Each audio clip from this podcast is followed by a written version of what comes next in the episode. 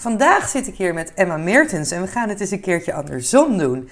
Um, ik ga voor de Kick-Ass podcast um, Emma interviewen, want zij heeft een heel interessant uh, onderzoek uitgevoerd voor, uh, voor haar afstuderen, voor haar master. Um, mijn naam is Esther Huismans en ik zit hier dus tegenover Emma Meertens. En Emma, misschien kun je beginnen om even kort wat over jezelf te vertellen. Ja, ik ben Emma dus. Um, ik ben eigenlijk begonnen bij de opleiding Spreker Sportcommunicatie in Tilburg. Uh, ik heb die HBO-opleiding afgerond en daarna ben ik uh, aan de slag gegaan bij de Master Media en Journalistiek in Rotterdam. En dat is een hele bewuste keuze geweest. Ik wist al van jongs af aan dat ik heel graag de sportjournalistiek in wou. Nou, en bij het Spreker Sportcommunicatie heb ik het sportstukje gehad en bij de Master dus nu het journalistieke stukje. En dus inderdaad wat jij zegt, ik ben recent afgestudeerd met een onderzoek naar vrouwelijke sportjournalisten. Interessant. Ja, zeker. Ja. En even voor, uh, voor de luisteraar. Misschien uh, heb je Emma wel eens voorbij zien komen. Maar Emma helpt mij inmiddels denk ik een jaartje of twee al ja. bij, uh, bij Kick-Ass. En heeft heel veel interviews ofwel uitge uitgewerkt... ofwel zelf ook allerlei vrouwen geïnterviewd. En misschien ken je ons ook wel van de Q&A's die zij met mij opneemt. En... Nou ja, we hebben samen ooit Dione de Graaf geïnterviewd. En uh, Emma zei toen al, ik wil de nieuwe Dione worden. Klopt. Ik uh, geloof dat ze daar gaat komen. Um, zelf weet ik nog niet hoe ze dat vindt. Uh, maar ik vind het wel heel mooi om, om over dit onderzoek wat meer... Um, nou ja, om wat meer te horen daarover. Dus daarom hebben we besloten om, om deze... Of daarom heb ik Emma gevraagd eigenlijk om deze podcast op te nemen. Um, hoe ben je ertoe gekomen om, om het hierover te hebben, Emma? Sowieso omdat ik natuurlijk sportjournalistiek heel interessant vind. Dat vind ik een interessant vakgebied. Ik zou er zelf in terecht willen komen. Um, maar het specifieke is eigenlijk gewoon dat ik natuurlijk een vrouw ben. Ik wil de sportjournalistiek in. En uh, je hoeft geen onderzoeker te zijn om te weten dat het als vrouw gewoon af en toe wat ingewikkelder is om in de sportjournalistiek aan de slag te gaan dan Waarom? als man omdat het van oudsher een mannenwereld is. Mm -hmm. en, uh, en dat is hetzelfde geldt voor de, voor de voetbalwereld. En heel veel in sport natuurlijk wordt natuurlijk... Alles wordt bepaald door mannen. De mannen zitten op de, op de posities waar beslissingen worden genomen. Dat is van, ja, van al tientallen jaren is dat natuurlijk zo. Mhm. Mm -hmm. En als vrouw zijn is het dus echt wel wat lastiger om, om die deur in te trappen, zeg maar. Om in die sportjournalistiek terecht te komen. Dus er zat voor mij persoonlijk heel erg een aanleiding uh, aan. Maar ook het feit dat er wel onderzoek gedaan is naar vrouwelijke sportjournalisten, maar dat het eigenlijk vrij beperkt was en ook vooral in het buitenland is uitgevoerd. Um, het is natuurlijk in Nederland opeens heel actueel geworden vanwege het onderzoek dat de Volkskrant deed naar de cultuur op, uh, op, de, op de redactie van NOS Sport. Mm -hmm. Ik vind het wel belangrijk om te benoemen dat dat nooit de aanleiding is geweest van mijn onderzoek. Dit, dit lag al een aantal jaar vast ongeveer dat mm -hmm. ik hier onderzoek naar wilde Yeah. gaan doen. En dat kwam toevalligerwijs voorbij en daardoor was het wel heel actueel. En dat is eigenlijk een beetje de, de aanleiding geweest van dit onderzoek. En wat is de onderzoeksvraag geweest? De onderzoeksvraag specifiek is geweest hoe uh, vrouwelijke sportjournalisten in Nederland betekenis geven aan hun werk. Ja. En, uh, en welke uitdagingen zij binnen hun werk uh, hebben. En dat is, het is eigenlijk een beetje tweeledig op die manier. Het gaat over betekenisgeving. Hoe kom je aan je verhalen? Eh, Waarom ben je dit vakgebied ingegaan? Wat is je verhouding met het publiek? En uitdagingen is dus vooral gericht op het feit dat het gewoon lastig is als vrouw in de, in de sportjournalistiek. Dat je soms te maken krijgt met intimidatie bijvoorbeeld. Ja. Ja. Ja, want hoor je ook een aantal keer lastig, ingewikkeld en dat soort dingen zeggen. Ja, Ja. je weet dat ik natuurlijk zelf daar daarop coach. Dus ik merk het omdat ik elke keer denk, oh, ja, mensen, hoe, hoe, hoe, hoe harder we roepen dat het lastig of ingewikkeld is, Ja. hoe uh, uitdagender of ingewikkelder het wordt, zou ik maar zeggen. Ja. Dus ik ben wel heel erg benieuwd, nou ja, hoe dat, nou ja, wat, wat, wat eruit is gekomen ook. Ja. Waarbij, uh, kan je ons daarin meenemen? Ten eerste, hoe ben je begonnen met um, het uitwerken van het onderzoek? Want je hebt een kwalitatief onderzoek gedaan. Ik hè? heb een kwalitatief onderzoek inderdaad gedaan. Dus dat begint natuurlijk bij, uh, bij onderzoek doen, of naar onderzoeken kijken die er al gedaan zijn. Nou ja, dat was dus redelijk beperkt wat dat betreft. En vervolgens natuurlijk ga je kijken, oké, okay, je gaat Nederlandse sportjournalisten benaderen. Hoe kun je die het beste benaderen? Nou ja, ik heb het voordeel dat ik via Kick-Ass al best wel ook een netwerk een beetje heb opgebouwd. En dat ik via via ook best wel wat mensen kon spreken. Um, en toen ben ik natuurlijk uh, zo'n vragenlijst op gaan stellen. En dat doe je vooral aan de hand van de onderzoeken die er al hebben plaatsgevonden. Ja. En ook wel deels waarvan je denkt, oké, dit zou een beetje die richting op kunnen gaan. En nou, dan maak je zo'n vragenlijst. En dan uh, is het gewoon simpelweg heel veel mensen benaderen. Ik heb een stuk of 50 vrouwelijke sportjournalisten benaderd, geloof ik. Nou, dat zijn er toch wel best wel een aantal. Dat zijn er best wel een aantal, ja, precies. Dus dat, dat, is, dat is denk ik wel al heel, uh, al heel mooi. Zijn er bijvoorbeeld ook, even, even tussendoor, zijn er ook gegevens daarover? Zijn er ook data over het aantal vrouwelijke journalisten sportjournalisten die er zijn in Nederland ja, dat, ten opzichte van het verleden? Dat is dus heel beperkt qua hoeveel dat er, uh, hoeveel dat er zijn. Um, wat we bijvoorbeeld wel weten is dat de Nederlandse sportjournalistiek, dat is de NSP, dat is, dat is die, ja, de, de belangenorganisatie, zeg maar, als het ware. Nou ja, die weten in principe wel hoeveel uh, sportjournalisten natuurlijk aangesloten zijn. Duidelijk wel, is dat je een sportjournalist kan zijn zonder aangesloten te zijn bij de NSP. Dus dat is wel belangrijk om te zeggen. En um, daaruit blijkt uit hun cijfers dat van de um, 369 uh, of 396 perskaarten die in 2022 werden uitgegeven, dat er daarvan 33 naar vrouwen gingen. Okay. Dus dan hebben we het over een percentage van ongeveer 7,7 procent. Ja, dat is weinig. Dat is weinig, ja, precies. En hoe was het, want we hebben het er eerder over gehad in, uh, bij jouw opleiding, was het natuurlijk ook al bij Speco bijvoorbeeld, was natuurlijk daar al het, het, het, het, aantal vrouwen. Dus dat je ook een beetje op hetzelfde percentage Precies, mij, ja, toch? ongeveer wel. Ja, dat, dat, dan heb je een klas van 30 studenten en dan zitten er ongeveer vier vrouwen in. Ja. Ik weet wel dat het inmiddels wel wat beter gaat met die vrouwen, maar daar, daaruit merk je het eigenlijk al Ja. wat dat betreft. Ja. Oké, ga verder met je verhaal. Ik onderbrak je even. Maar ik ben ook benieuwd of dat aantal namelijk groeiende is dan. Ja. Maar je merkt het dus bij de Speco inderdaad, hoor je wel dat het meer vrouwen Ja, zijn. precies. Dus Dat, dat gaat in principe wel de goede kant op. En, het, en, daar, en ik vind het ook belangrijk om duidelijk te maken dat ook vrouwen in de sportjournalistiek ook steeds meer geaccepteerd worden. Maar dat neemt niet weg dat er af en toe nog gewoon wat hobbels op de weg zijn. En die moeten we ook gewoon duidelijk in kaart brengen wat dat zeker. betreft. Nou ja, en dan op een gegeven moment dan ga je dus inderdaad contact zoeken met die, met die vrouwelijke sportjournalisten. Dat is soms best wel een uitdaging. Want sportjournalistiek is gewoon een druk, drukke baan Ja, als je sportjournalist bent. Dus dat was af en toe wel een uitdaging. Maar je werkte wel heel erg aan de vrouwen die je dan benadert. Dat ze zelf allemaal zo betrokken zijn bij een eigen vakgebied. En ook echt wel graag mee willen werken aan dit soort onderzoeken. Ik heb wel ook vaak te horen gekregen, ja, ik krijg heel vaak van dit soort verzoeken. En dan op zich natuurlijk is dat een heel goed teken, want dan wordt er dus kennelijk wel aandacht aan besteed. Maar wetenschappelijk gezien is er dan nog niet heel veel te vinden over in Nederland. En uiteindelijk heb ik 14 vrouwelijke sportmedia professionals heb ik gesproken.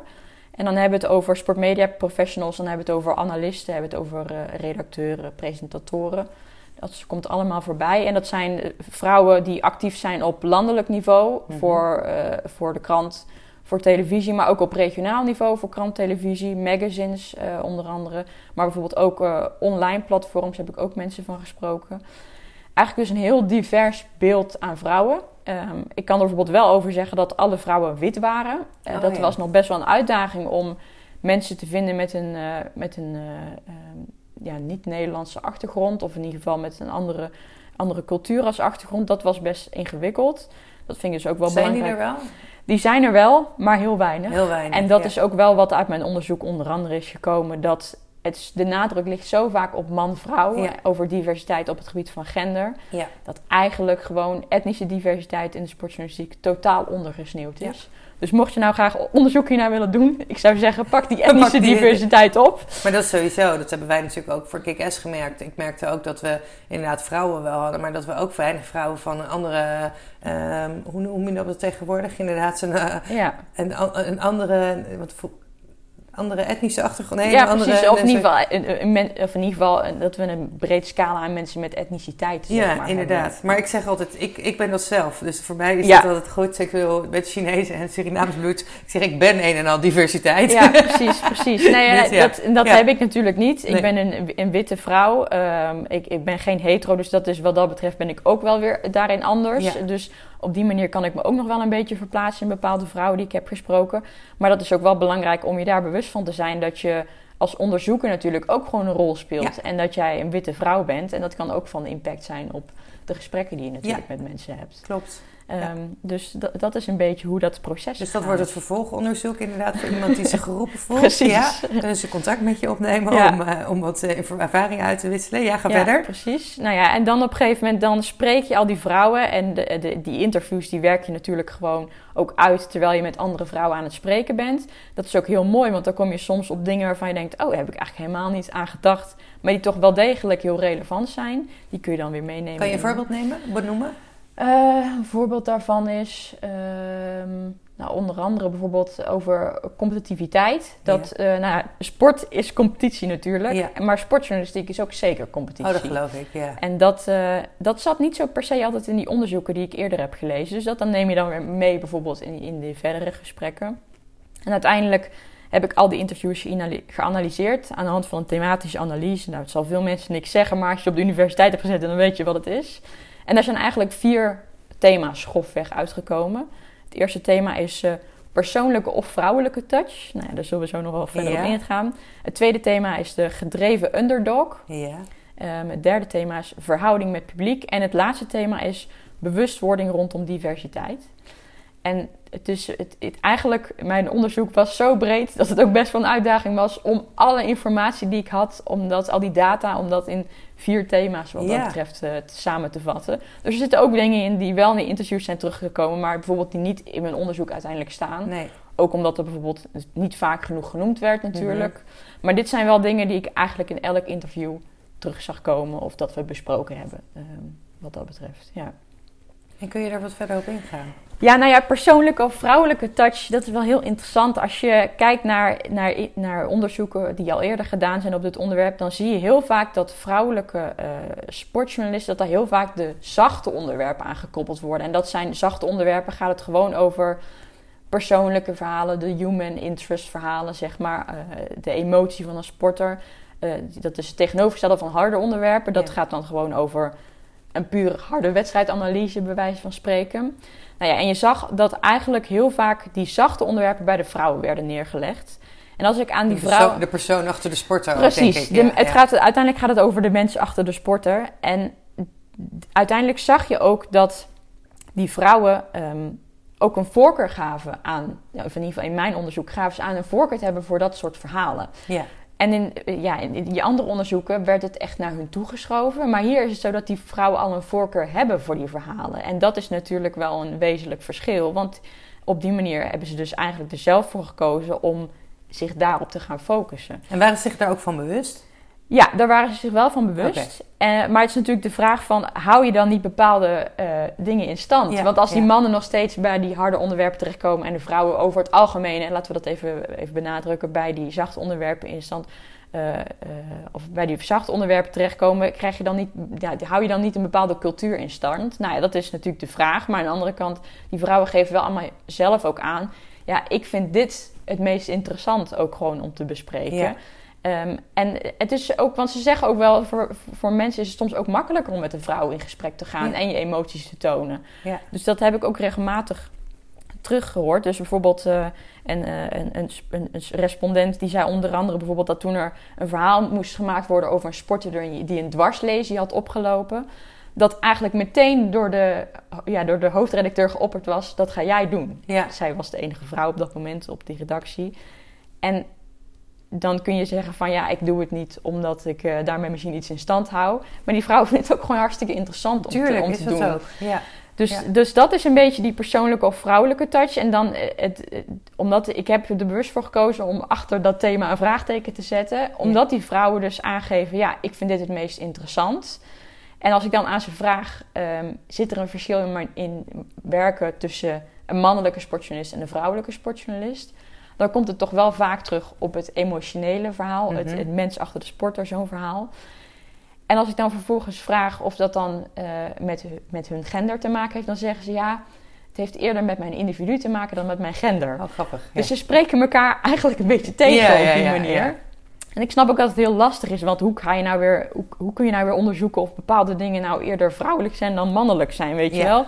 Dus ik snap ook heel goed dat ze dat op die manier zeggen, maar ze spreekt zichzelf eigenlijk een beetje tegen. Maar het, was, maar het kwam eigenlijk bij, bij veel van die vrouwen kwam het dus net zo naar voren. Zeker, Ja, zeker. Dus, Ja. dat, dus dat zag je heel erg terug bij dat, eh, bij dat, bij dat thema. bij dat thema. Nou, ik herken het natuurlijk ook wel. Bij mij was het natuurlijk ook de reden waar ik, waarom ik Kick-Ass gestart ben. Juist Ja. om het verhaal erachter te horen. En niet alleen maar... oh, de- het is juist die storytelling, die is ook zo mooi. Om, om te horen, oké, wat drijft iemand? Wat, wat zit erachter? Maar ook die verhalen erbij. Zeker. En ik kan me ook voorstellen dat vrouwen daar, eh, nou ja, misschien ook wel beter in zijn. En, en, en dan is de vraag, is dat dan slecht of minder goed voor de sportjournalistiek? Ik denk Mhm. dat, dat je gewoon andere kwaliteit hebt. En dat zie ik ook in het bedrijf. Maar we gaan straks nog over diversiteit hebben natuurlijk. Maar ik denk juist dat we allemaal daar onze eigen kracht in hebben. En dat we niet moeten proberen om als vrouw zo masculien mogelijk het allemaal neer te zetten. Nee. Maar juist, oké, maar hoe waar is, komt iedereen het beste tot zijn recht, tot haar recht. Dus, eh, maar ja, dat komt zo meteen naar voren. Dus ik vind het wel een mooie. Ja. Punt 2 was de gedreven underdog. Gedreven underdog inderdaad. Eh, dat heeft er eigenlijk gewoon mee te maken dat je, wat ik ook al zei, als vrouw toch altijd wel in de minderheid bent. Nou, Mhm. We hebben het toen straks gehoord, 7,7 procent. Ja, Eh, dat je dus eigenlijk ook altijd de underdog bent. Maar dat die underdogspositie ook bij die vrouw iets oproept. Een bepaalde gedrevenheid.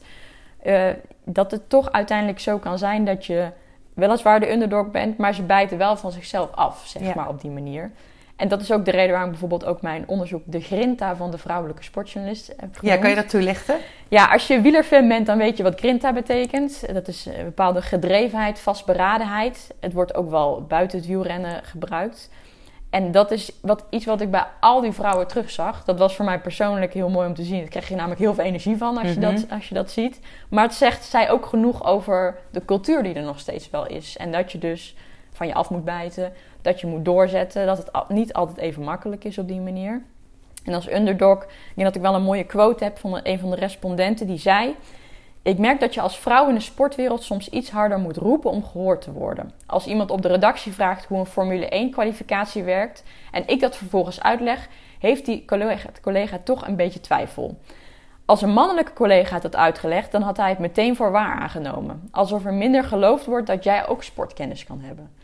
Nou ja, dat, dat, dat is denk Ja. ik wel een hele, hele Dat is een hele herkenbare. Ik heb, ik heb ooit eh, ehm, bij de KNVB, ik heb natuurlijk meerdere projecten bij de KNVB gedaan. En ik heb ooit meegedaan aan de, met de personeels hadden we een sportquiz. eh, dus een voetbalquiz, petje Mhm. op, petje af. En die won ik. Ja. En toen kreeg ik ook als commentaar dat nou een vrouw dit moet winnen. En al die vrouwen kwamen naar me toe. Dankjewel Esther, dankjewel Esther. Toen wist ik ook nog heel veel. Nu, nu, nu zou ik hem niet meer winnen, maar ik wist echt heel veel ervan. Mhm. Maar ja, als ik als vrouw naar het voetbal ging, moest ik me ook altijd extra bewijzen. Wat weet jij er nou van, weet je wel? Maar ik herken die gedrevenheid ook wel weer. Want ehm, om er te komen ben je ook, heb je ook een bepaalde vorm van gedrevenheid. En misschien nog wel meer dan anderen. En wat ik me kan voorstellen, dat heel veel van die vrouwen ook voelden... Ja, je doet het niet alleen voor jezelf, maar je doet het ook voor al die andere vrouwen. Dat heb ik, heb ik ook. Dat ik denk, ja, maar ik kan laten zien wat, het, wat mogelijk is. Ik geloof niet zo in dat glazen plafond. Dus als het voor mij mogelijk is, dan is het ook voor heel veel andere vrouwen mogelijk. En ik kan me voorstellen dat heel veel van die vrouwen dat gevoel ook hebben. Exact, ja, Ja. precies. Dat, dat, dat merk je ook gewoon heel erg. En daarom wilden ze denk ik ook wel meewerken, omdat ze zagen van... oké, door mijn verhaal te doen, weliswaar anoniem... ehm, kan ik wel ook andere mensen misschien helpen. Ja, en inspireren. Exact, ja. Ja. Dus op die manier eh, ja, was het wel een hele... Ja, was het wel een interessant iets. Maar je zag het dus wel de hele tijd terugkomen, dat stukje dat je de underdog bent. Ook opvallend was dat ze zeiden, ja, je kunt je eigenlijk geen fout permitteren. Mhm. Daar word je dus als vrouw dan kennelijk harder op Ja? gestraft. En Maar is dat zo? Dat is de dat, vraag. dat, dat, ja. weet je, dat weet je dus niet. Dus vandaar dat ik ook daar wel een kritisch, kritisch- kritische noot bij wil maken. Van oké, ze zeggen dat ze zich geen fout kunnen permitteren. Maar is dat daadwerkelijk zo? En is dat zo dat inderdaad een collega je dan harder behandelt... dan als een mannelijke collega fout zijn Of, maken? of kunnen vrouwen, want dat merk ik bij heel veel vrouwen, denk ik, ja, vrouwen kunnen dat ook vaak wat minder goed handelen. Of die nemen het heel persoonlijk, terwijl het niet altijd persoonlijk is. Dus ik, soms vraag ik me ook af, is dat zo? Of is dat ook wat zij soms in hun hoofd hebben Ja. eh, gehaald van, oh ja, ja, ja, maar het wordt niet, eh, dit wordt niet zo gezien. Nee, want precies. soms ja, heb ik dat, dat gevoel er een beetje bij. maar het is natuurlijk wel ergens ontstaan... dat je dus als vrouw kennelijk geen fout mag maken... of als vrouwelijke Ja. sportjournalist. En dat is natuurlijk wel kwalijk. Dat, dat heel veel vrouwen hadden die gedachten. En dat Ja. vond ik wel opvallend. En het is ook mooi dat ze altijd zeiden: ik heb altijd het gevoel dat ik een stapje extra moet zetten.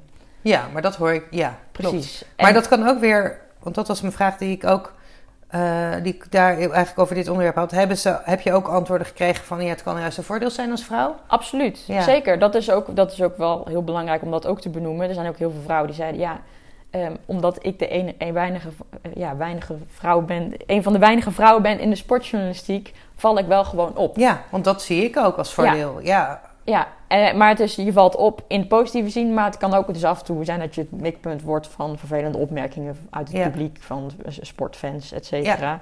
En ik vond het wel mooi, ik had het dus over die extra stap. Ik heb ook gesproken met Agnes Elling, nou, die heb, heb jij ook geïnterviewd voor Kick-Ass. Zij is natuurlijk heel erg eh, bekend als het gaat over vrouwen in de sport. En die zei ook, dus als al die vrouwen dus een stapje extra moeten zetten, hoe goed zijn die vrouwen dan wel niet in vergelijking met die mannen? En maar dat, dat, is ook zo. dat is natuurlijk Ja. wel heel interessant wat dat betreft. Dus presteren die dan nog beter dan die mannen? Dat vond ik wel een interessante gedachte. Daar had ik eigenlijk nog nooit over nagedacht. Nou ja, betreft. dat weet ik ook, dat, dat wat ik destijds in de KVB zei, en ik weet niet, niet meer wie het zei, maar ik heb het meer, volgens mij meerdere mensen gehad, zeiden ja, vaak als je dan kan kiezen tussen een man en een vrouw op een bepaalde positie, je weet dat die vrouw er vaak meer voor heeft moeten doen om op een bepaalde positie te komen, of op, bijvoorbeeld bij sollicitatie. Vrouwen hebben wat meer moeten doen om daar te komen, dus dan kies ik sowieso eerder voor die vrouw, omdat ik weet, oké, maar die heeft al wat extra stappen gedaan. Dus daarin denk ik ook, ja, die, die moeten inderdaad misschien zichzelf nog meer bewijzen. Maar het is wel mogelijk. Ja, absoluut. En het is, wat, nou, daar hadden we het in het voorgesprek ook over. Het kan juist ook een voordeel zijn. En zeker in deze tijd denk ik, ja, je valt eerder op. En eh, ja, Zeker, zeker. Dat is ook helemaal zo. En het, het, is, het is wel opvallend dat ze wel zeggen dat je wel uit een bepaald hout gesneden moet zijn. Zo iemand, zoals Ja. iemand het al mooi zei. Ehm, want het is een van de respondenten die zei... Het is soms een beetje lomp en een beetje seksistisch. En Is daar moet je wel tegen kunnen. ja, En de meeste van die respondenten trekken zich er eigenlijk niks van aan. Eh, maar het feit dat die grappen nog steeds of opmerkingen nog steeds af en toe gemaakt worden, dat is natuurlijk wel jammer. En dan denk ik, ja, s- lopen we daarin nog een beetje En dan is achter. natuurlijk ook weer de vraag. Tot, we, we hebben daar, we hebben daar twee jaar geleden, volgens mij ook in uh, Kick-Ass, toen een hele, heel gesprek over gehad. Ik kreeg toen daar een discussie ook over met iemand. Er is natuurlijk een heel groot grijs gebied. Want ik bedoel, ik kan ook meegrappen over bepaalde onderwerpen tot op zekere hoogte. En, en natuurlijk, wat bij de een oké is, is bij de ander niet oké. En ik weet ook dat, dat heel veel van die vrouwen hebben ook een bepaald type humor. Die, die misschien wat verder gaat dan, dan voor andere vrouwen. Ja, Ehm, dus, dus er is natuurlijk best wel een groot grijs gebied. Ja. En ik bedoel, seksistisch, oké, dat kan niet. Intimidatie kan absoluut niet. Maar ik kan ook mee eh, geinen. precies. En dat vind ik alleen maar leuk. En dat, ja. is- dat, dus wat dat betreft dat het af en toe een beetje lomp is, daar zijn die vrouwen die zeggen ook soms, ja, dan maak ik gewoon een lompe opmerking terug. terug, wat ja, dat dan krijg je hem twee keer zo hard terug, inderdaad. Ja, Dus op die manier gaan ze er wel oké mee om. Ehm, wat je wel natuurlijk ziet, is dat de vrouwen die ik geïnterviewd heb, die meer zichtbaar zijn. Dus dat zijn de vrouwen die bijvoorbeeld voor televisie werken. Mhm. Dat die zeggen, ja, dan heb je toch ook wel te maken met intimidatie vanuit het publiek. Ehm, Ja. Heel vaak de opmerking dat vrouwen terug moeten naar het aanrecht. Ja, jongens, het wordt nog steeds gemaakt, Ja, die bizar, opmerkingen. Ja. Ik vond het wel mooi. Een van de respondenten zei: Ja, dan krijg ik die opmerking. En dan denk je terug naar het aanrecht. Ja, maar mijn man kookt altijd. Zei ze toen. vond ik zo mooi. Geweldig. Maar ja, dat is ook weer... Ik denk sowieso, als jij je hoofd, en zeker in Nederland, als je je kop boven het maaiveld uitsteekt, dan krijg je gewoon kritiek. Ja, En ehm, laatst zag ik daar een hele mooie, even, even kijken, weet even niet meer wie dat had. Oh, ik kan niet meer opkomen wie, wie die opmerking had. Oh, Ronald Kaan volgens mij. Die zei ook van ja, er zijn natuurlijk mensen ehm, die... Een heel groot deel van de wereld is gewoon toeschouwer. Mhm. En er zijn een aantal mensen die op het speelveld staan. En ik, zeg, ik zeg, gebruik zelf ook altijd... If you're not in the arena getting your ass kicked... I'm not interested in your feedback. Dat is een quote van Brene Brown. Ehm, maar hij had volgens mij ook daarover gezegd... Ja, een heel groot deel... Misschien wel 90, 95 procent van de mensen... is gewoon toeschouwer. En die zitten kijken naar een aantal mensen... die dus wel hun eigen ding doen. Ja, dat is lekker makkelijk om, om, om, eh, om kritiek te geven. Het is ook maar net van wie komt het. Ja. En als dat, dat soort dingen, denk ik, ja, nou ja, dan roep je toch lekker ga het aan- over het aanrecht. Joh, wat heb jij voor leven dat je je daar dan zo, dat je je daar zo druk over maakt? precies. Dus ehm, ja, of Ja. die toetsenbordridders, ja, die heb je natuurlijk nu tegenwoordig ook. Precies, En, dat, eh, dat is online is dat natuurlijk gewoon, dat neemt alleen maar dan toe, dat soort Ja. opmerkingen die je anders nooit gehoord zou hebben wat Nee. dat betreft. ja, Ehm, en het, het is ook wel belangrijk om te benoemen dat het overgrote deel van de mensen, ook van de mannen, die accepteren gewoon helemaal dat er vrouwen in de sportjournalistiek zijn. Die, die, die, die kunnen daar prima mee omgaan. Dus dat is wel belangrijk om te benoemen. En, en iemand die zei ook ik denk dat het ook dat het publiek het helemaal niet zo raar vindt dat er een vrouw uh, het, het sportjournaal presenteert of de interviews doet. Maar het is met name bij veel organisaties zelf, traditionele nieuwsorganisaties, ja, daar vindt niet zo heel veel vernieuwing plaats. En dan wordt er iets in stand gehouden, wat jarenlang zo is gegaan. En dan kun je ook als sportjournalist die wereld in terechtkomen. En dan denk je, oh, oké, het gaat hier zo. Dus dan ga ik daar ook maar in mee. En dan hou je bepaalde dingen in stand. En ik kan me voorstellen dat bij de NOS bijvoorbeeld, bij NOS Sport, dat dat ook een beetje het geval is geweest. Ik weet er natuurlijk verder niks vanaf dan alleen maar dat artikel.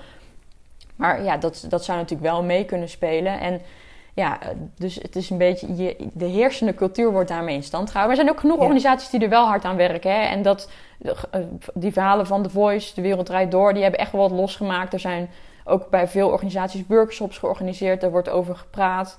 Uh, ook na dat NOS Sportverhaal, dat echt mannelijke collega's naar vrouwen toe kwamen.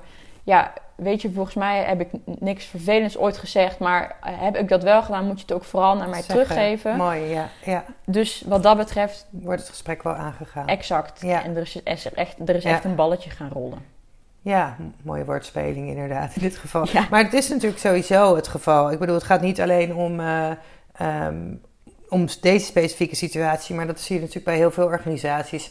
Ja, maar we doen het altijd al zo. Ik bedoel, zeker als je daar als jong iemand inkomt in zo'n organisatie. Ja, maar we zijn gewend om het zo te doen. Ik bedoel, ik weet dat ik ooit begon bij, uh, bij mijn eerste project en dat ze me op een gegeven moment vroeg: Esther, hoe zou jij dat doen? Eh, ik, ik, ik weet het niet. Weet je wel, zat ik zo een beetje. Eh, nee. Ja, maar dat ze echt vroegen om mijn, om mijn input. Omdat ik juist een jonge, frisse blik had. En dat ze daar ook echt in geïnteresseerd waren. Maar hoeveel organisaties zijn niet? Ja, maar dit doen we altijd al zo. Dus waarom zouden we dingen veranderen? Ja, dus, dus dat is dan daar op dat gebied natuurlijk het geval. Maar het is natuurlijk sowieso bij heel veel mensen. Mensen zijn gewoon gewoontedieren. Ja. ja, precies. Dus dat is ook wat dat betreft ook wel logisch dat het zo gaat. Ja. Ehm, alleen natuurlijk voor die vrouwen is het af en toe vervelend dat bepaalde dingen daardoor in stand worden gehouden. Die dan weer ten koste gaan van eventuele nieuwe kansen voor hun. Wat betreft bepaalde sporten daar ze bijvoorbeeld niet in kunnen doorgroeien. Dat ze bijvoorbeeld altijd bij turnen worden neergezet. Ja. Iemand die zei ook, ja, kwam ik nieuw bij een organisatie, bij, bij mijn werkgever. En dan wordt de turnen meteen naar mij toegeschoven. Oh, ja. Gaan ze dat toch meteen vanuit dat ik iets met turnen heb, terwijl ik helemaal niks met turnen heb. Ja. Dat is de hand van zetten, toch? Dat is toch dus dat maar dat is dan ook weer de... Dat, dat, dat, maar, maar dan vraag ik me dus weer af. Is dat zo? Um, of zijn die vrouwen, houden die vrouwen zichzelf daar ook in klein? Misschien ook deels wel zo. Ja, want dat is ook wat ik bijvoorbeeld in mijn discussiehoofdstuk heb gezet, waar ik zeg maar wat dieper ben ingegaan op, op die resultaten, waar ik het ben gaan vergelijken met eerdere uh, literatuur. Dat ik een aantal keer hoorde van vrouwen, ja, uiteindelijk is het, is het mooi om een vrouw te zijn in de sportjournalistiek, je valt ermee op. Maar het moet uiteindelijk gaan over kwaliteit. Ja. En dat is natuurlijk wel een hele interessante. Ze, zei, ze zeiden bijvoorbeeld, als er bijvoorbeeld gelijke geschiktheid is tussen een man en een vrouw, ga dan inderdaad voor die vrouw. Maar het gaat in principe over kwaliteit. En betekent dat dus dat diversiteit geen onderdeel is van het begrip kwaliteit? Volgens mij, en dat is ook wel bewezen, is dat als jij een hele diverse redactie hebt, dat het ook voor diverse verhalen zorgt, dat mensen zich meer in de verhalen herkennen. Dus wat dat betreft, door elke keer dat te blijven zeggen, ja. Beperk je jezelf maar ook andere vrouwen dus. Terwijl eigenlijk, wat in ieder geval erop lijkt, is dat dus gewoon kwaliteit en diversiteit die zijn in elkaar verweven op die mhm. manier. En die worden nu los van elkaar gezien. Dat is wel een beetje jammer af en ja. toe. Ja. ja, en ik heb natuurlijk, en dat, je weet ook dat dat mijn stokpaardje is. Ik heb ook zoiets van heel veel van die vrouwen die, uh, en dat zeg ik niet dat het deze respondenten zijn, maar ja, ik krijg die kansen allemaal niet en uh, ze zien me niet en ik word niet serieus genomen. Hoe vaak ik dat wel niet hoor, denk ik, ja, ten eerste, is dat zo? wie zijn ze? En neem je jezelf al serieus genoeg? Want op het moment dat jij jezelf serieus genoeg neemt om te denken, ja, ik kan wherever komen. Ik, zou, ik geloof ook niet zo in het glazen plafond, omdat ik denk, ja, maar ik kan komen waar ik wil. Mhm. Omdat ik dat vertrouwen in mezelf ook heb. En dat is ook vaak het punt wat, wat, wat meespeelt bij, bij veel vrouwen. En waarom zeg ik zeg niet specifiek dat het bij je respondent is, want ik weet uh, op welk niveau jij sommige respondenten hebt eh, geïnterviewd die, er dus, die ook op die plekken zijn gekomen, omdat ze dat vertrouwen in zichzelf wel hadden. Maar ik weet ook hoeveel vrouwen zichzelf daarin tegenhouden of op de handrem zitten, omdat ze toch bang zijn voor bepaalde zaken, zoals mislukking of afwijzing of iets dergelijks. En daardoor niet het beste uit zichzelf nog laten zien. Ja, Dus, ehm, ja en dat dus is op zich, bij deze vrouwen zie je wel echt heel erg dat die houden zichzelf niet tegen. Dat is me wel heel duidelijk Nee, is klopt. niet voor niks Ja. dat ik hem Grinta noem. Want Ja. deze dames, die, die, Gaan ervoor. die gaan er echt voor. ja, Die houden zichzelf niet tegen. Die twijfelen ook niet aan zichzelf. Maar af en toe de omgeving werkt niet altijd even mee. Nee, Ehm, Ook heel, heel veel gevallen wel. En laten we ook eventjes een Ja. nuance erin Ja. in blijven houden op die manier. Maar ja, het is natuurlijk wel veel zeggen dat altijd als ik vroeg aan ze... hoe zou je de cultuur omschrijven in de sportjournalistiek? Dat altijd het eerste antwoord ongeveer was... een mannencultuur, een mannenbolwerk. Terwijl ze er ook voor kunnen kiezen om het te omschrijven als een hele gemoedelijke eh, Ja. wereld... als een hele competitieve wereld. ja. Maar mannen wordt altijd meteen bij betrokken. En dan Ja. weet ik natuurlijk niet omdat het misschien dat het over zo'n onderzoek gaat als dit, dat het dan misschien zo is dat ze eerder op dat mannenstukje terechtkomen. Maar dat vond ik wel heel Dat opvallend. is wel frappant, inderdaad. Ja.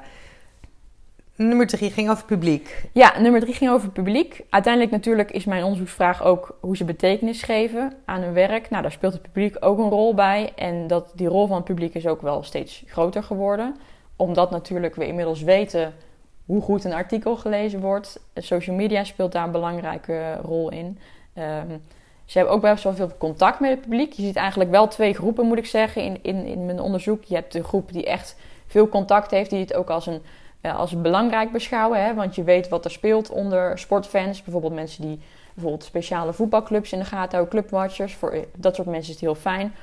Ook wel iemand die zegt op social media heb ik veel dingen uitgezet omdat ik anders echt shit over me heen krijg. Ja, Dat maakt mijn leven een stuk rustiger omdat ik het uit heb gezet. begrijp ik ook. Ja. Dus dat is een beetje de tweedeling eh, dat je ziet. En wat ik zeg dus, we kunnen steeds beter zien wat goed gelezen wordt en wat niet goed gelezen wordt. En dat, is natuurlijk, dat heeft niet alleen maar met de sportjournalistiek te maken. Dat is een algemene discussie of in ieder geval een algemeen onderwerp eh, dat, eh, dat, dat speelt in de journalistiek.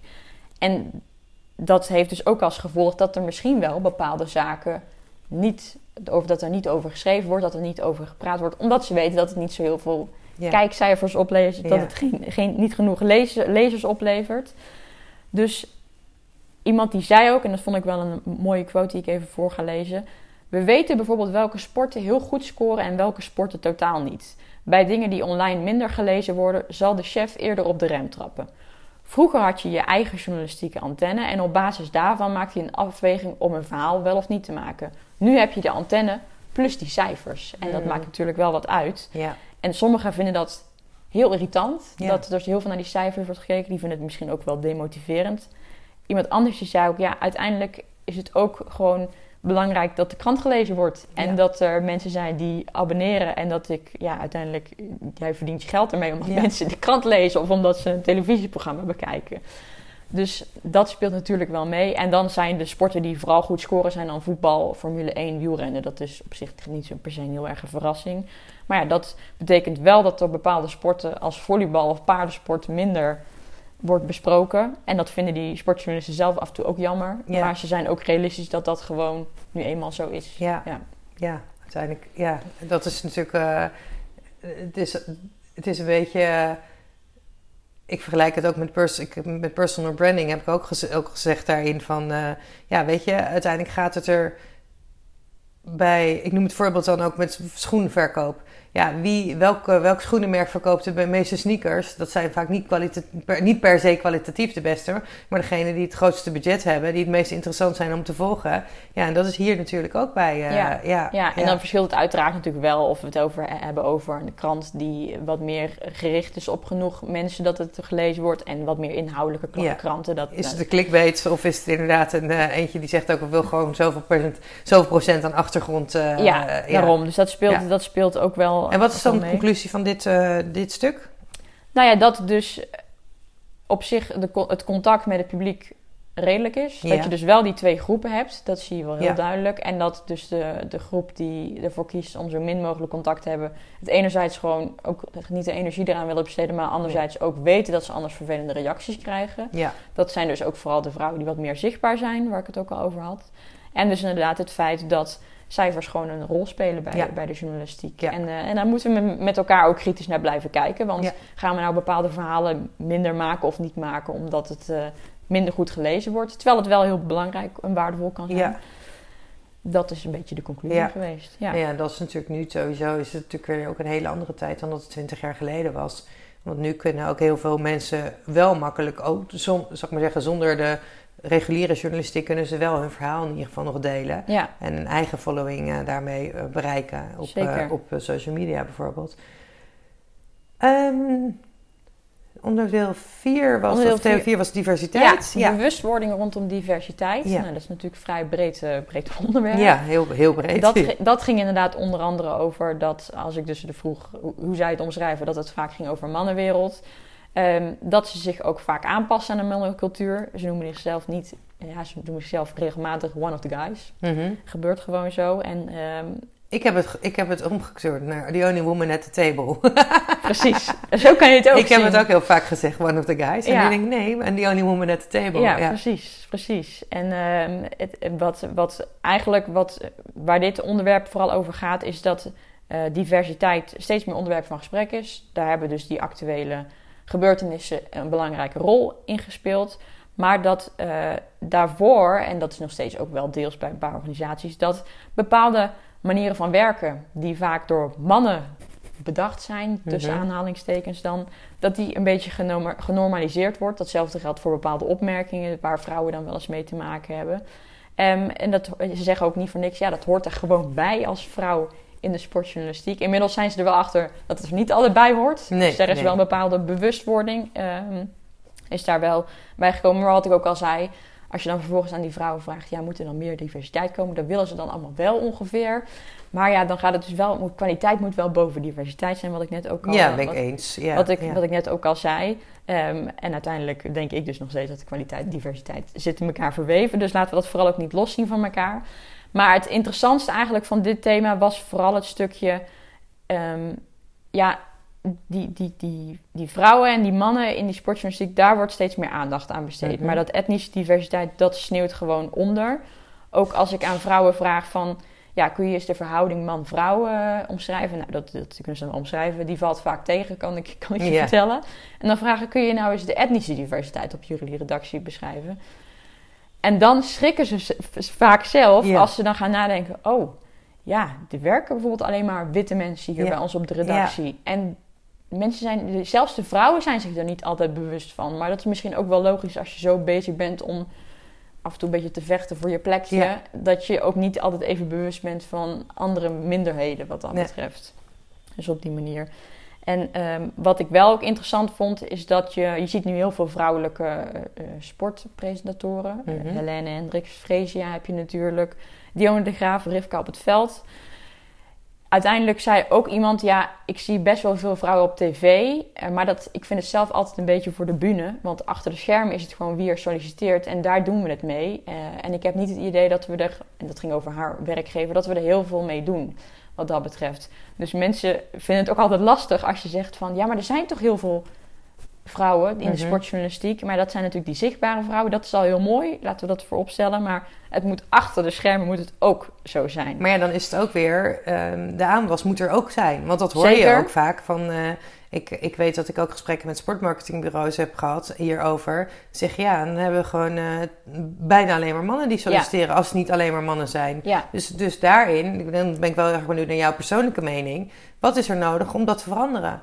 Want er zijn misschien ook wel minder vrouwen daarin geïnteresseerd om dat te doen. Ja, ja, dat, ja. ik denk dat dat ook gewoon heel realistisch is. Dat er ook gewoon meer mannen geïnteresseerd zijn in voetbal dan vrouwen. ja. Eh, dat, dat is zo. En dat zul je dan ook misschien wel inderdaad terugzien in de sportjournalistiek. Alleen het is nu wel heel dramatisch Ja. gesteld met het Ja. aantal vrouwen. En ik geloof niet dat dit, dat dit zeg maar percentueel gezien... dat dat ook daadwerkelijk het percentage is vrouwen dat in Nederland geïnteresseerd is in sport. Nee, maar, dat is, maar geïnteresseerd in sport en, en sportjournalist worden is natuurlijk ook wel weer even wat anders. Natuurlijk, dat is ook Ja. zo, maar het, heeft, het, hangt natuurlijk wel met elkaar samen. Maar wat ik ook al zei, dat is ook iets wat van de, waar je een lange adem voor nodig hebt. En wat ik ook al zei, volgens mij gaat het inmiddels bij Speaker Sportcommunicatie bijvoorbeeld ook alweer beter.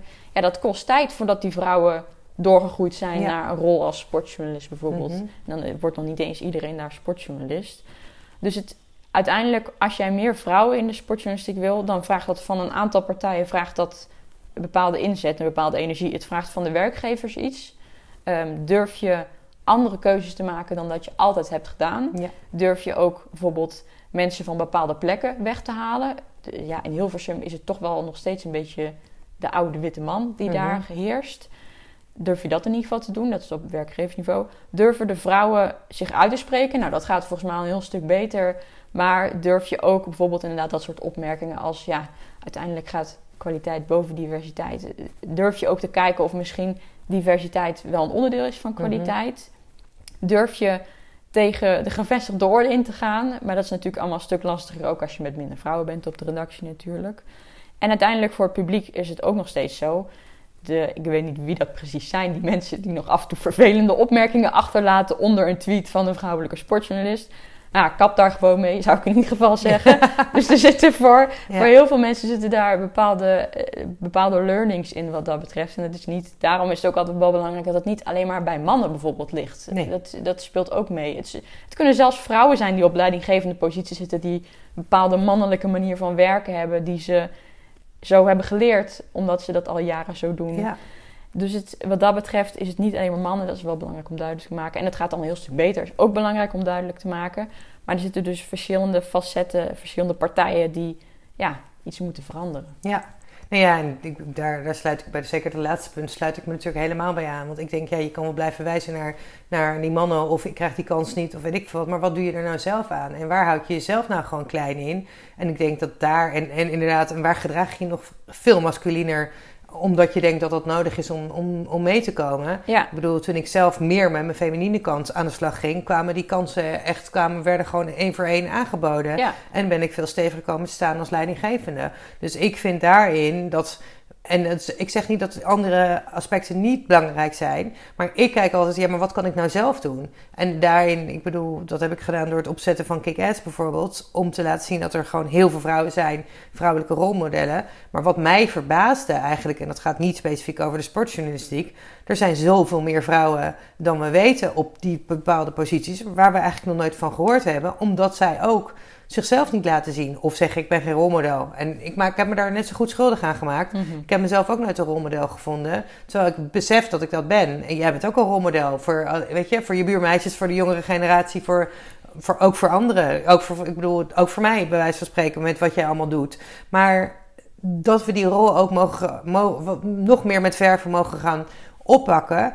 En dus zeg, doe het niet alleen voor jezelf, doe je het ook voor anderen. En op die manier gaan we ook eh, verandering bewerkstelligen. Ja. Maar vooral kijken, oké, maar wat heb je daar nou zelf te- in te doen? En, eh, en dus, ja, ook aan de andere kant natuurlijk daarmee aan de slag blijven gaan. Maar uiteindelijk kun je alleen jezelf in beweging zetten. Mhm. En daar denk ik, dus, eh, dus daar sluit ik me helemaal bij aan met Ja. het laatste punt. Ja, precies. Ik denk uiteindelijk wat, wat heel erg belangrijk is, is dat eh, dit is niet iets wat je binnen een jaar kunt veranderen. Nee, nee. En wat ook heel veel vrouwen zeiden, het is, heeft ook niet altijd te maken met gender. Het heeft ook met generaties te maken. Tuurlijk. Ook eh, iemand die zei, ja, ik werk met heel veel jonge mannelijke collega's. En die hebben af en toe last van die oude witte mannen, omdat ze ook gewoon Ja, hard zijn en Ja. onvriendelijke opmerkingen maken. Dus het is ook iets wat gewoon met de tijd zal moeten gaan veranderen. Klopt. En Dus ja, je kunt niet verwachten dat het morgen opeens hupsakee gefixt is. Voor mij zeg je dat ook wel eens met die opmerking over je sixpack, toch? eh, ja, klopt. Ja, die heb je ook niet na één keer trainen. Nee, precies, precies. Maar ja, dat zie je natuurlijk ook aan die jonge generatie. Weet je hoe die opgroeien nu met bijvoorbeeld Oranje winnen? We nemen dit op tijdens het WK Mhm. vrouwen, waar we natuurlijk net wat minder van meekrijgen dan, eh, dan normaal gesproken door, die, eh, door het tijdsverschil. Maar ehm, ja, de, het 2016, 2018 hebben de mannen zich niet gekwalificeerd voor, in het voetbal voor het WK. En dan was het vrouwenteam, de Oranje winnen, waren het enige team. Dus voor die generatie is het al heel normaal dat dus, nou ja, dit zijn dan specifiek vrouwelijke voetbalsters, dat die er zijn. Maar, ehm, maar ja, uiteindelijk verandert er da- daardoor al veel meer. Dus eh, zijn er al veel meer eh, vanzelfsprekendheden. Maar ja, dat, dat kost inderdaad soms ook tijd. Ja, zeker. Ja. Dus eh, het- wat dat betreft, dus het is niet altijd een genderding, het is ook een beetje een generatie. Ja. ja. En eh, je, bent, eh, eh, je bent afgestudeerd. Ja, ik heb het gehaald. Ja, hoe kijk je erop terug? Op de master bedoel je? Of, Je hebt eh, of op je onderzoek. op mijn onderzoek, nou ja, het is het, het- sowieso iedereen die een masterscriptie of een bachelorscriptie of weet ik veel, een HBO-scriptie heeft gedaan, weet dat het af en toe best wel pittig kan zijn. Mhm. Dat je er af en toe ook geen zin meer in hebt. Daar weet ik alles van. Maar daarom heb ik ook heel bewust gekozen voor een onderwerp zoals deze. Dit is iets waar bij mij persoonlijk, er gaat iets, een vuurtje branden bij mij Mhm. binnen, waar ik af en toe zelf van schrik hoe enthousiasmeerd en amb- ambitieus ik erover ben. Dus op die manier heb ik eigenlijk het als een heel positief onderzoek ervaren. Ik heb hele fijne begeleiding gehad van eh, eh, professor Dr. Jacco van Sterkenburg. Ehm, hij doet ook regelmatig onderzoek naar sport, vaak ook in combinatie met etniciteit. En van hem heb ik heel veel geleerd. Eh nou, hetzelfde geldt van Agnes Elling, dat ik die mag spreken, ook super, super gaaf en heel, heel interessant. Dus ik kijk er eigenlijk met een heel positief gevoel op terug. En ja, op de master kijk ik ook met een heel positief gevoel terug. Ik denk nog steeds dat de combinatie van het praktische van het HBO, wat ik nu heb ehm, in mijn rugzakje, en het wetenschappelijke, het meer onderzoeksgerichte van de universiteit, dat dat gewoon heel, eh, heel waardevol kan zijn, die combinatie. Ja. Ja, dat weet ik zeker. Ja. En, en wat heb je er voor jezelf uit meegenomen? Welke conclusie? Ik bedoel, er zijn natuurlijk een aantal conclusies naar voren gekomen uit het onderzoek. Maar wat heb je nu voor jezelf als learning daarin meegenomen om in de toekomst mee aan de slag te gaan? Bijvoorbeeld, of je zegt, nou ja, dat ga ik wel zo doen, of juist niet zo doen. Ja, nee, maar dat was natuurlijk ook het fijne van dit onderzoek. Dan ben ik tenminste een beetje voorbereid, Voorbereid, ja. op welke wereld ik straks ga Daarom, instappen. In ieder geval dat het niet altijd zo eh, zwaar en dramatisch is eh, voor vrouwen in de sportjournalistiek als dat af en toe geschetst wordt. Mhm. Het is er nog steeds, dat is wel het, eh, het feit. Maar het, wat mij heel veel vertrouwen gaf, is dus dat het heel erg positief benaderd wordt. diversiteit op redacties, dat er steeds meer aandacht aan wordt besteed. En dat het ook dus steeds geaccepteerder is dat er een diversiteit is op de redactie. En dan hebben we het niet alleen maar over eh, gender, maar dan hebben we het ook over dus etniciteit. En dan hebben we het ook over seksualiteit. Dat dat allemaal s- veel beter gaat. Dat geeft mij ook een beetje een geruststelling eh, wat dat betreft. En ik denk gewoon dat, eh, dat het ook vooral heel veel ja, energie bij mij heeft opgewekt. Mhm, Ik hoor het. De- de- ja, leuk. Precies. Ja. De grinta en het, het feit dat ik denk van ja, ben, is nou mijn ambitie veranderd? Nee, dit is nog steeds wat ik al van jongs af aan wilde, was dit. Dat is ook niet veranderd door het onderzoek. Dus dat is denk ik eh, wat ik eruit heb meegenomen. ja. Ja. En nu? En nu, goede vraag. ik zou willen dat ik een glazen bol heb om erin te kijken wat het is of wat het gaat worden. Nou, ik heb wel wat sollicitaties natuurlijk gedaan. Ehm, dat is het helaas niet geworden, maar die sollicitaties zijn ook een hele waardevolle ervaring. Nou, gebruik even dit om, om ook... eh, dit Even reclame te maken. Nee, wat, wat is je doel? Wat is je doel? Ik, ik weet het wel Ja, natuurlijk, maar... nou ja, eh, mijn- ja. ik heb natuurlijk wel heel hard geroepen dat ik heel graag Dionne de Graaf op wil volgen. Dat wil ik nog steeds wel, maar dat gaat in stapjes. En misschien wordt het straks wel totaal iets anders. Dat kan ook, hè, dat ik iets anders vind eh, wa- waar ik heel erg energie, heel veel energie van krijg. Maar in ieder geval, het, het wordt of de journalistiek, en dat kan dus ook iets anders zijn dan sportjournalistiek, omdat ik gewoon sowieso heel breed geïnteresseerd ben, of de sportcommunicatie. Nou ja, ik heb natuurlijk van mezelf uit een hele grote passie voor wielrennen. Mhm. Dat is ook nog steeds een beetje een mannenwereld. Dus wat dat betreft denk ik, nou, dan denk ik dat ik als vrouw daar best wel een beetje in kan Dat opvallen. denk ik ook, ja. Eh, dus het wordt een van die twee richtingen en dan, eh, dan ga ik het wel zien wat het wordt. Eh, uiteindelijk, mijn ouders zeggen altijd nog, Emma, je moet nog je hele leven werken. Klopt. Dus neem maar gewoon rustig de tijd. En geniet ook even van het, het feit dat je nu niet meer aan de school verbonden zit. Ja. Hoe, hoe lastig dat af en toe ook is. En dan gaan we het wel zien. Nou ja, ik, eh, ik ga toch eventjes ook nog mijn, eh, mijn commentaar voor als je dit luistert en je hebt iets leuks voor Emma. Ik ga er ontzettend missen bij KKS, dat weet ik zeker. Ehm, maar eh, elke werkgever die met Emma aan de slag eh, gaat, die mag in zijn handjes eh, zijn of haar handjes wrijven, want, eh, of knijpen, hoe zeg je dat? Wrijven, want eh, ze is een topper. En ehm, ja, nou ja, ik, het is super leuk om op deze manier nog even met jou het gesprek aan te gaan. Ik, eh, ik vind het ook wel oké dat je nog niet meteen een baan hebt, want dan kunnen we nog even samenwerken. Maar ik gun je echt zo'n ontzettend mooie baan. En ik weet zeker dat met jouw drijf die je ook hebt, ehm, dat eh, heel ver gaat komen. En ehm, ik neem ook gewoon gebruik even van gelegenheid, ook al werken we nog even samen, om je te bedanken voor eh, ja, de ontzettend fijne samenwerking tot Ja. nu toe en alles wat we samen hebben gedaan. En ehm, ik wens je ongelooflijk veel succes eh, toe in, eh, in de toekomst. Ja. En eh, we hebben sowieso contact. Ja, dankjewel. Ja, ik begin er een beetje van te blozen. Dat zien Ja, mensen dat gelukkig niet. In de- dat zie je niet in Ik de zie het wel, maar... Precies, maar dankjewel Esther. Nee, dit is voor mij als feminist, want dat ben ik gewoon, daar gaan we niet omheen draaien. vond ik Kick-Ass al een super gaaf platform. En dat ik er nou aan mee mag werken en met jou dat mag doen. En jij bent voor mij ook weer een rolmodel wat dat betreft. Dat is natuurlijk super gaaf. En ook via deze weg heb ik ook wel heel veel andere mensen leren kennen. En uh, heel veel inspiratie mogen opdoen. Ja, ja. Dus dank je wel ook daarvoor richting jou. Ja, nou graag gedaan. Mooi moment om af te sluiten. Lijkt me ook. Dankjewel Emma. Graag gedaan.